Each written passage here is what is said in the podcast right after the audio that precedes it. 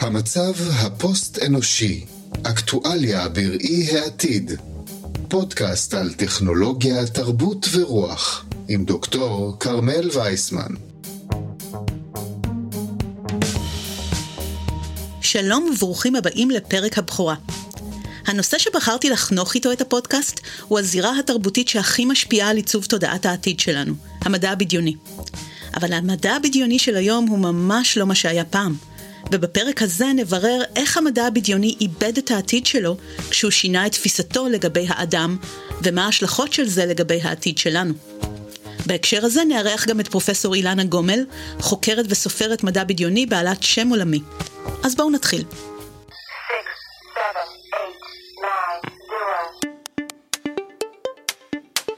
כבר בתחילת המאה ה-17 עלה החשד שבני האדם הם לא יותר ממכונות. ב-1628 ויליאם הרווי מגלה את מחזור הדם ומפרסם ספר על התגלית, שמתאר את האדם כמו מבוך מכני של צינורות, פילטרים, משאבות ושסתומים. והציבור האינטלקטואלי של התקופה מגיב בכזה פחד, שהרווי עצמו חש צורך לנסות להתייחס גם לממד הרוחני אולי. אחרי שהוא מציג את התגלית בפני צ'ארלס, מלך אנגליה, קמה מהומה. הבישוף תומאס פרט, מזכיר החברה המלכותית ומאוחר יותר מחבר ההיסטוריה הרשמית שלה, דורש לדעת איפה הנשמה האלוהית בכל הסיפור הזה. חייבים להחזיר את הנשמה למקום שלה, הוא דורש. וכאיש מדע הוא מוסיף שהוא מקווה שבמהרה יתגלה המנגנון של פעולות הנפש ללא הרס הרוחניות וחיסול האלמותיות של הקיום. באותם ימים היה ברור לכולם שאין מדע בלי ישו, כמו שאמר את זה הפילוסוף בלז פסקל. אבל עדיין התפיסה המכניסטית הזאת של האדם הפכה למדע פופולרי. וזה קרה בזכות פשרה מעניינת עם הדת, שאותה מייצג הפילוסוף המכניסטי המוכר ביותר, רנה דקארט, אותו אחד מ"אני חושב משמע אני קיים". למעשה המשפט הזה הוא חלק מההסבר, שהגוף הוא אמנם רק מכונה, אבל הנשמה היתרה של האדם מתאכסנת באזור ספציפי במוח. וכך אנחנו מגיעים לתפיסה של טבע האדם כרוח במכונה. החל מהמאה ה-20 המדע כבר לא דופק חשבון לדת, והתוצאה היא חזרתה של התפיסה המכניסטית של האדם, כשעכשיו גם הנפש נתפסת כמנגנון מכני. אבל נראה שהרעיון הזה כבר לא כל כך מפחיד את הציבור. תורמת לזה גם המהפכה הקיברנטית לדעתי, שהיא גם הבסיס המדעי לטכנולוגיה הדיגיטלית, כי היא גורמת לנו לראות אחרת את המכונה. אם אדם, חיה ומכונה הן מערכות שפועלות לפי אותו עיקרון לפי הקיברנטיקה, אז המשמעות היא שהמכונה היא הרבה יותר מורכבת ממה שחשבנו, יותר דומה למערכת אורגנית, יותר אנושית בעצמה. המדען אהרון קציר סיכם את זה יפה כבר ב-1972. קשה לדעת מה דקארט היה אומר אילו הוא עמד בפני מכונה קיברנטית, שנכנע בהרבה מהתכונות שנחשבו בעיניו כסימני היכר מובהקים לנפש האנושית. אחד ממאפייני העידן הפוסט-אנושי זה הטלת הספק ברעיון של מותר האדם. ערעור על האמונה שאנחנו מאוד שונים מהחיה או מהמכונה. בצד המואר של זה יש הכרה ברוח או במידת החיות שיש גם בחיה וגם במכונה, ואפשר לראות ביטוי של זה בהלוויות דתיות שנערכות לכלבים רובוטיים ביפן, כי הם חלק בלתי נפרד מהמשפחה. אבל הצל של זה יכול להיות ראייה של האדם כחומר בלבד, כלי, אובייקט. והאמונה שאולי אנחנו לא יותר ממכונה ביולוגית מורכבת, אין בנו שום דבר מסתורי מדי, שום דבר שאי אפשר לשחזר בתהליך מתמטי, מדעי. ז'אן ז'אק רוסו, מאבות ההומניזם הליברלי, חשב שמהות האדם היא יכולת הבחירה החופשית שלו. אם אתה לא בוחר, אתה כנראה לא אדם. שזה משהו שאין אפילו למכונה לומדת הכי משוכללת היום. אבל מה אם גם לאדם אין את זה באמת? אם יש או אין לנו רצון חופשי זה נושא לוויכוח פילוסופי עתיק יומין שאי אפשר להכריע בו לכאן ולכאן. אבל בשנות ה-80 מדענים מתערבים בדיון הזה, ויוזמים ניסויים שמדגימים את האזורים שנדלקים במוח לפני קבלת החלטות, והם טוענים שאפשר לצפות החלטות מראש. עכשיו חשוב לי לציין כאן שרוב המדענים הללו לא טוענים שהמשמעות של הניסוי שלהם זה היעדר רצון חופשי גורף. אולי זה רק מראה שיש לנו נטייה לפעול על אוטומט. פיזיקת הקוונטים למשל כן תומכת באפשרות של רצון חופשי והיא מציעה הסבר אלטרנטיבי לניסויי המוח האלו. בכל אופן לנו בזירת התרבות זה פחות חשוב מה באמת נכון. מעניין אותנו במה רוב הציבור מאמין, או במה מאמינים יחידים וקבוצות בעלות השפעה שעושות שינוי תרבותי עם האמונה הזאת. אז ההיסטוריה של שליטה דתית ואחר כך הומניזם ליברלי גרמו לזה שהדעה הפופולרית הייתה שלאדם יש רצון חופשי. בעידן הפוסט-אנושי הדבר הזה מתחיל להשתנות.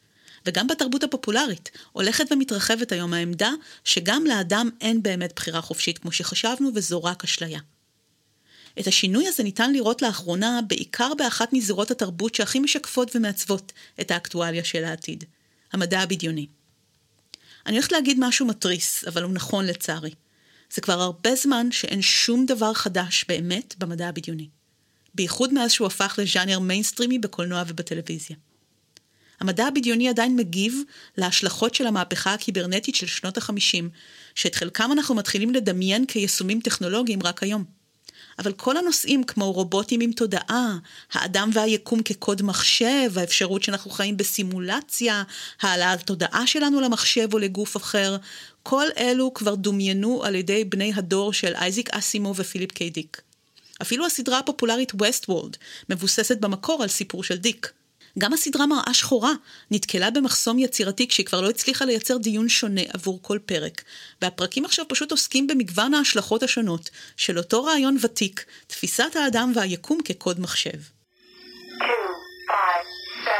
הרעיון לפרק הפודקאסט הזה נולד בשבוע אחד, שבו צפיתי גם בסוף העונה השלישית של Westworld וגם בסדרת Devs של Amazon Prime. אני לא אגיד כאן מילה על עלילות הסדרות, אין חשש לספוילרים, אבל אני רוצה להתייחס לעניין העקרוני שהן מייצגות. שינוי רדיקלי בגישה של המדע הבדיוני לאדם. המדע הבדיוני המערבי הקלאסי, סדרות כמו מסע בין כוכבים, דוקטור הו, שיקף את מסורת הנאורות ההומניסטית. האדם יותר שווה מהחייזר והרובוט, ולכן הוא מנהיג העולם. והרובוט שואף להיות כמוהו. האדם מייצג שילוב נדיר שצריך לשמור עליו, של רציונליות, רגש, אינטואיציה, יש לו מצפון, יכולת בחירה חופשית, זאת הגדולה שלו. ומההבדל הזה נובע גם הפחד מפני השתלטות המכונה במדע הבדיוני, כי היא מייצגת רציונל טהור, שלא באמת מבין את עולם בני האדם המורכב, ויהרוס אותו מתוך כוונה טובה לייעל אותו. אבל במדע הבדיוני החדש, הטכנולוגיה היא אחרת. היא רגשית, אינטואיטיבית, מוסרית, לא פחות, ולרוב אפילו יותר מהאדם. האדם הוא כבר לא הדגם שהטכנולוגיה שואפת אליו. מוצעת לנו אפשרות שחיים מלאכותיים הם שדרוג של האדם גם מבחינה רוחנית. תחשבו על הסדרה השוודית, אנשים אמיתיים, או הרימייק הבריטי שלה בהקשר הזה. בסדרות עכשוויות כמו ווסטוולד ודבס, אנחנו רואים חזרה בלתי מתנצלת לתפיסה מכניסטית של האדם, כזה שלא שונה ממכונה ואולי אפילו נחות ממנה. האדם ניתן לתכנות בדיוק כמו מכונה, והאדם חי רק באשליה של רצון חופשי. בשתי הסדרות נראה שיש קצת חשש ללכת עד הסוף עם ההשפלה של האדם למקום הזה של הכל כתוב, ומשאירים פתח מסוים להרשות נתונה, אבל קשה מאוד להגיע לנתונים הללו. מעטים מסוגלים באמת להתעלות על עצמם, להתגבר על התכנות והאוטומטים ולקבל החלטה אמיתית מבחירה חופשית. הבחירה היא כבר לא מה שמגדיר את האנושי. היא עכשיו תכונה של יחיד בדורו, וזה מוצג כמאמץ עילאי, אפילו בצורה שלעיתים מוגחכת, כי בינינו, בני אדם אמיתיים הם הכי יצורים של לעשות דווקא, הפוך על הפוך, כשאומרים להם מה הם אמורים לעשות, נכון? אבל אולי גם זה תגובה שלהם שצפויה מראש? טוב, אני לא אסתבך. בשורה התחתונה, הפלא של שבירת התכנות אצל בני האדם, הוא עכשיו בדיוק כמו הבאג באלגוריתם. זה מותיר פתח לתקווה שזה יכול לקרות, אבל זה ממש כבר לא הדיפולט שלנו. בשלב הזה אני רוצה לפנות לאורחת שלנו, פרופסור אילנה גומל, חוקרת וסופרת מדע בדיוני בעלת שם עולמי, שמצטרפת אלינו מקליפורניה הרחוקה. אילנה, את מסכימה עם המגמה שאני מזהה? האם היא באמת חדשה? אני מסכימה איתך, וזה כן קרה, וזה קרה בספרות לפני שזה קרה למשל בקולנוע ובטלוויזיה.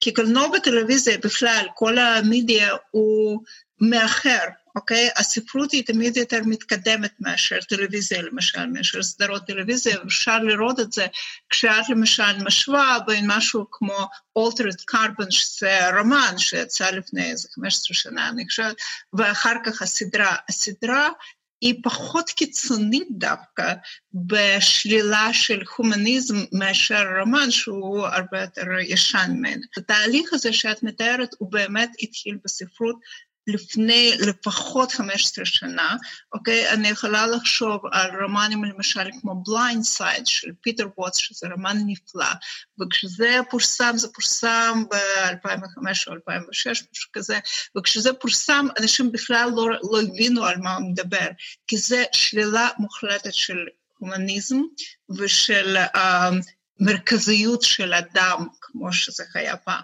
מה העמדה שלך בסוגיית הרצון החופשי? איך את כותבת את האדם ביצירות שלך? אני מאמינה גדולה ברצון חופשי. אני רק לא מאמינה שזה משהו שמתייחס רק לאדם, אוקיי?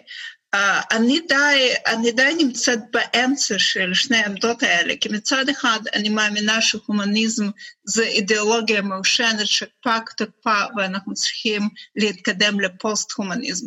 מצד שני, אני שוללת את היחס הזה ש... משווה בין אדם, וכשאת אמרת מכנה מקולקלת, אני חושבת שמכנות עכשיו, או לפחות AI, לפחות האינטליגנציה המלאכותית, היא יותר דומה למה שפעם אנחנו ראינו כאדם. אז מצד אחד אני כן מאמינה ברצון חופשי, אבל אני רק לא מאמינה שרצון חופשי שמשהו שהוא קשור ללהיות אנושי, כפי שזה הוגדר פעם ב... ב- המדע בדיוני, ואת צודקת, מדע בדיוני של דור הזהב, של שנות ה-50, 60, 70 וזה, זה באמת uh, מה שנקרא אנתרופוסנטריק, זה מאוד האדם, מרכז העולם, זה, uh, זה נגמר ואנחנו חיים בעולם חדש, אבל אנחנו צריכים עכשיו להגדיר מחדש לא רק מה זה להיות אנושי, אבל גם מה זה להיות יצור אינטליגנטי, שהוא יכול לפעול בעולם, רק, לא רק מתוך איזושהי תוכנה חיצונית, אלא גם מתוך הרצון הפנימי. אני מסכימה איתך, אבל מה מטריד אותי, ולמה זה חשוב לי? הרי יוצרי הטכנולוגיה של היום גדלו על המדע הבדיוני הישן, ומנסים לממש אותו. זה הדגם והחזון שלהם לעולם שלנו. ה-Babel Fish של דאגלס אדמס היה השראה לתרגומוני המכונה האוטומטיים, אילון מאסק מנסה לכבוש את החלל, פיזיקאים מחפשים את המפתח למסע בזמן, ובינתיים דואגים שיהיו לנו נעליים עם שרוכים אוטונומיים, או hoverboard כמו בעתיד של בחזרה לעתיד. יש גם מי שמנסים לסרוק אותנו כדי לשגר אותנו למקום אחר בהשראת beam me up Scotty מ-Star Trek. אבל אילו טכנולוגיות ייצרו לנו מדעני העתיד? הילדים שגדלים היום על מדע בדיוני שמבוסס על אדם שחושב את עצמו למכונה. איך נראה העולם שבו הציבור לא מאמין עוד בגדולה של האדם שמנסה לממש חלומות נשגבים? זה ממש בעיה, כי אנחנו חיים בעידן הנוסטלגיה בכלל, לא רק בטלוויזיה ובמדע בדיוני בכלל, אוקיי? אנחנו חיים בעידן נוסטלגיה, אין אידיאולוגיות חדשות, אנחנו איבדנו את העתיד, ואיבדנו את העתיד מכל מיני סיבות, אני לא רוצה להיכנס לזה, אנחנו איבדנו אוטופיות, לאו דווקא אוטופיות מסוימות כמו אוטופיה ציונית או אוטופיה קומוניסטית, איבדנו רצון אוטופי, איבדנו לחש... את הרצון לחשוב על העתיד שהוא שונה מההווה. לאו דווקא טוב יותר, אבל שונה, אבל משהו אחר, משהו חדש. ואני מזכיר, אני, אני גם חושבת שהדור החדש הזה, אני עכשיו בעמק הסיליקון, אז כשאני מדברת עם האנשים פה, האנשים האלה שבונים, שעובדים עם אלון מאסק וזה, הם באמת גדלו על סדרות של, של סטארטרק. זה הילדות שלהם, וזה משהו שנכנס מאוד מאוד עמוק לתוכם, והם מיישמים את זה עכשיו. מה יעשו הילדים? אני לא יודעת. על מה הם יחלמו, מה הם ירצו, איזה עתיד הם ימנו כשכל מה שהם חושבים עליו זה העבר. כי הסדרות הטלוויזיה עכשיו זה איזשהו um, recycling של העבר, ואת יכולה לראות את זה בכל הרימייקים האלה שקיימים בלי סוף, וזה, וזה סכנה אמיתית. כי מדע בדיוני הוא תמיד היה על משהו שהוא שונה, משהו שאחר, משהו שהוא חדש. ועכשיו זה, מדע בדיוני זה על, על זה העבר של, זה העתיד של העבר. יכול להיות שאובדן האמונה ברצון חופשי זה חלק מהסיבות לתהליך שאת מדברת עליו. פילוסופים ופסיכולוגים באמת חששו מהמצב הזה, כי הקוד המוסרי שלנו מבוסס על המחשבה שיש לנו בחירה. והם כבר הצליחו להראות שאנשים שלא מאמינים ברצון חופשי, הם יותר צייתנים, עצלנים, פחות יצירתיים, המוסר שלהם מפוקפק, כי איזה משמעות יש לחיים שתוכנתו מראש? יש אפילו פילוסופים שמציעים גישה שנקראת אשלייתנות. אל תגידו לציבור את האמת הזאת, לדעתם. תנו להם להמשיך לחיות באשליה של רצון חופשי למען הסדר הטוב. תראי, גם האמונה שאנחנו פיסות קוד שחיות בסימולציה, במטריקס, יכולה להוביל לתוצאה זהה, להתנהגות לא מוסרית מתוך מחשבה שלחיים שלנו אין משמעות ממשית. אז נכון שהאמונה שהעולם הזה הוא אשליה, היא אמונה עתיקה, היא מתחילה במשל המערה של אפלטון אולי, או רווחת גם בדתות המזרח העוד יותר עתיקות. אבל כשהאמונות הללו מתקיימות במסגרת תפיסות דתיות, הן מגיעות עם טעם מוסרי לקחת את האשליה ברצינות מוחלטת. כי לאשליה יש מטרה. היא נתיב להתעלות ולהתעוררות למציאות האמיתית שמאחורי הווילון. אי אפשר לעשות את זה אחרת. אבל במסגרת חילונית, אתאיסטית, מטריאליסטית, אף אחד לא נותן לנו שום סיבה טובה לקחת את האשליה ברצינות. וזה עלול להוביל רק לניהיליזם, אנרכיה, היעדר משמעות בחיים. וזה מעורר אצלי את השאלה, אם ככה, למה אנחנו מגרדים את הפצע הזה? למה אנחנו מתאמצים להוכיח שאנחנו גם מכונות מתוכנתות? עכשיו, לבמאי הדוקומנטרי אדם קרטיס הייתה תשובה מעניינת. גם הוא חשב שזה קרה לנו אגב בגלל הקיברנטיקה ובייחוד בגלל האופן שבו התפרשה בביולוגיה, בתיאוריית הגן האנוכי. והוא חושב שזה משרת אותנו לתפוס את עצמנו כמתוכנתים, בגלל שזה מסיר מאיתנו את האחריות לעוול שהאדם עשה בעולם. אם הגנים שלנו מתוכנתים ככה, התוצאה הייתה כתובה מראש, לא יכולנו אחרת גם אם רצינו, ובאמת אין טעם במאבק פוליטי לשנות את העולם.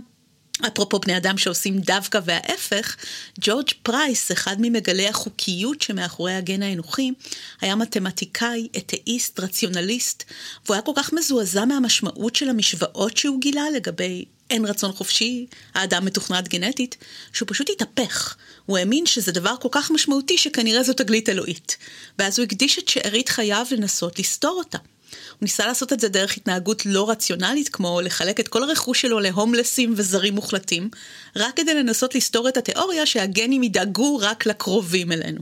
האירוניה היא שאמונה מדעית כזאת לא שונה בהרבה מאמונה דתית מזיקה, שמסירה מהאדם את האחריות האישית בגלל שזה רצון האל ונסתרות הם דרכיו. וזה יהיה אבסורד אם בשם המדע נגיע להתנהלות שהיא הצל הכי גדול של אמונה דתית, גישה דטרמיניסטית שהכל כתוב מראש. במקרה כזה של היפוך נאורות, העתיד שלנו באמת עשוי להיות העבר החשוך ביותר. וכאן אני חוזרת אלייך, אילנה, ואני רוצה לשאול אותך שאלה מאתגרת, כזאת שמחזיקה אותי ערה בלילה. בשבוע שעבר נפטר פרופסור זאב שטרנהל, מומחה עולמי לחקר פשיזם, היה לי הכבוד ללמוד אצלו בתואר הראשון שלי, ושטרנהל טען טענה רדיקלית. הוא ביקש מאיתנו, מאנשים כמוני וכמוך, להפסיק לבקר את הנאורות וההומניזם הליברלי. גם לא עם הביקורות הפוסט-מודרניסטיות, פוסט-הומניסטיות, כל הכוונות הטובות לתקן ולשכלל את האדם, מובילות לגיהנום הפשיסטי לדעתו. בספר שלו, אנטי נאורות, הוא מנסה לומר לנו שכל הרעיונות על האדם כרוכים זה בזה. אי אפשר לדחות אחד ולקבל את האחרים. אם נפסיק להאמין רק בדבר אחד קטן, נניח רצון חופשי, אז יישמט לנו כל הבסיס, למוסר, לזכויות אדם, כל הדבר הזה ייפרם, אי אפשר למשוך רק חוט אחד כדי לתקן משהו. הספר הזה הוא ממש אזהרה. ההומניזם הליברלי הוא הרע במיעוטו, ואל תיגעו בו. אני חושבת על זה הרבה לאחרונה. כי אולי באמת באנו לברך ויצאנו מקללות. האם המצבים המסוכנים שתיארנו בפרק הפודקאסט הזה, הם בדיוק בגלל הביקורת שלנו על מותר האדם? האם שטרנל צדק והיה אסור לנו לגעת בזה בכלל? אני מאוד מקווה שהוא צדק, שהוא לא צדק, אבל יכול להיות שהוא כן צדק. אני תמיד הרגשתי שההומניזם הליברלי הוא לא לא מרחיק מספיק, אוקיי? אני תמיד הרגשתי שפוסט-הומניזם יכול לפתוח אופקים חדשים לעתיד, לא לשלילה של האדם, אלא להגדרה אחרת, להגדרה יותר מורחבת של, של מה זה להיות אדם, מה זה להיות יצור אינטליגנטי, לא אכפת לי מאדם, אוקיי? מה זה להיות באמת בעל רצון חופשי. אבל זה לא קרה, כי הוא, בזה הוא צדק שאנחנו פוסט-הומניזם, פוסט-מודרניזם, אנחנו הרסנו את ה... הרסנו מה שהיה מקודם, ההומניזם ליברלי, אבל לא בנינו משהו אחר, אוקיי? ואנשים לא רוצים לחיות בתוך הריסות, והם פשוט חוזרים לעבר, כי אנחנו, אנחנו הרסנו את העתיד. לא רק הרסנו, אנחנו פשוט איבדנו את הראייה הזאת לעתיד. ואז אנשים חוזרים לעבר, כי זה מה שנשאר. אז יכול להיות שהוא צדק. אני לא הסכמתי איתו בזמנו, כשקראתי את הביקורת שלו, כי אמרתי, לא, מה פתאום, פוסט-הומניזם זה, זה איזושהי אוטופיה חדשה, חדשנית, אנחנו נעבור את כל ההומניזם הליברלי הזה, שהוא זה, ואנחנו נבנה עולם גדול חדש. וזה לא, אנחנו נשארנו בין ההריסות. אז בזה אני, אני חושבת שלצערי הוא צדק. ובזה יש גם חלק מה... מהאשמה שלנו, כי אנחנו ראינו פוסט-מודרניזם רק כסובברשן, כמשהו ביקורתי, ולא הבנו שאנחנו גם צריכים לראות uh, או לבנות uh, משהו חיובי. לא מספיק לבקר, אנחנו גם צריכים להביא איזושהי אלטרנטיבה חדשה, ואנחנו לא עשינו את זה. מה זה אוטופיה של פוסט-מודרניזם? מה אוטופיה של פוסט-הומניזם, ואפשר לבנות אוטופיה של פוסט-הומניזם, אבל אף אחד לא עשה את זה. וואו, זאת אמירה חזקה לפרק ראשון בפודקאסט, זה ממש אנחנו נותנות בראש פה. אז גם אני לא רוצה בפודקאסט הזה לעשות את הטעות שבדיוק דיברנו עליה ולהביא רק ביקורת בלי להגיד מה כן. כחוקרת מדע בדיוני את מגדירה את הבעיה. אבל כסופרת מדע בדיוני את יכולה להיות חלק מהפתרון. אז עכשיו אני, אחרי שדיברתי איתך, אני עכשיו מתחילה לחשוב מה זה באמת אוטופיה של פוסט-הומניזם. אולי כדאי לכתוב אוטופיה של פוסט-הומניזם. מה, למה לא? כי אני עכשיו עובדת על איזשהו סיפור שאני רוצה לשלוח אותו לכתב שנקרא אוטופיה. אוקיי? ועכשיו יש באמת רצון לאוטופיה חדשה. זה לא רק אני, את יכולה לקרוא, יש, יש סולר פאנק, יש, יש אפרו-פיוטריזם, אנשים מחפשים משהו חדש, אוקיי? נמאס לכולם, מצד אחד נמאס מדיסטופיות כבר, באמת בעלי מצד שני, אין אוטופיה חדשה, מה אנחנו נבנה עכשיו, הסוציאליזם זה, זה נגמר, אוקיי? אז אנשים מחפשים משהו חדש. אני יכולה להבין שאנשים חוששים מאוטופיות, כי הניסיון לממש אוטופיות כמו קומוניזם ונאציזם במאה ה-20 היה הרסני. אבל לחיות בלי חלומות בכלל, או בחלומות על העבר, גם זה הרסני. ההצעה שלי היא להתייחס אחרת לאוטופיה. לא לנסות לממש את כל המאפיינים שלה בכוח, אלא לאפשר לה להישאר בגדר שאיפה, כיוון, השראה. כמו הר באופק שאנחנו צועדים לעברו בכוונה מלאה להגיע לפסגה, אבל בפועל החיים היפים הם הדרך אל ההר. לא הפסגה שאליה אולי לעולם לא נגיע באמת. וזה בסדר שלא הגענו. אסור להתנות את ההליכה בדרך בהגעה הזאת, כי זה המקום שאנחנו מתייאשים והאוטופיה נראית בלתי אפשרית. זה נכון שהיא בלתי אפשרית. החיים הטובים הם אלו שנוצרים לאורה, בדרך אליה. וצריך לקחת ברצינות הדרך, אבל לא ברצינות גדולה מדי, לא להיאחז בה ולהיאבק עליה. בעברית יש את הפתגם לא עליך המלאכה לגמור, אבל אינך חופשי להיבטל ממנה. ולדעתי זה מתמצת את הגישה. ואולי זה מה שמייחד את האדם. יצור לא מושלם, שלא אמור להשלים את המלאכה, אבל כן אמור להשלים עם זה שהוא לא מושלם, ולמצוא בזה יופי וטוב. כל החיות חולמות בלילה, אבל נראה לי שרק בני האדם חולמים בעיניים פתוחות ומנסים לממש חלומות, אולי זה הייחוד שלנו.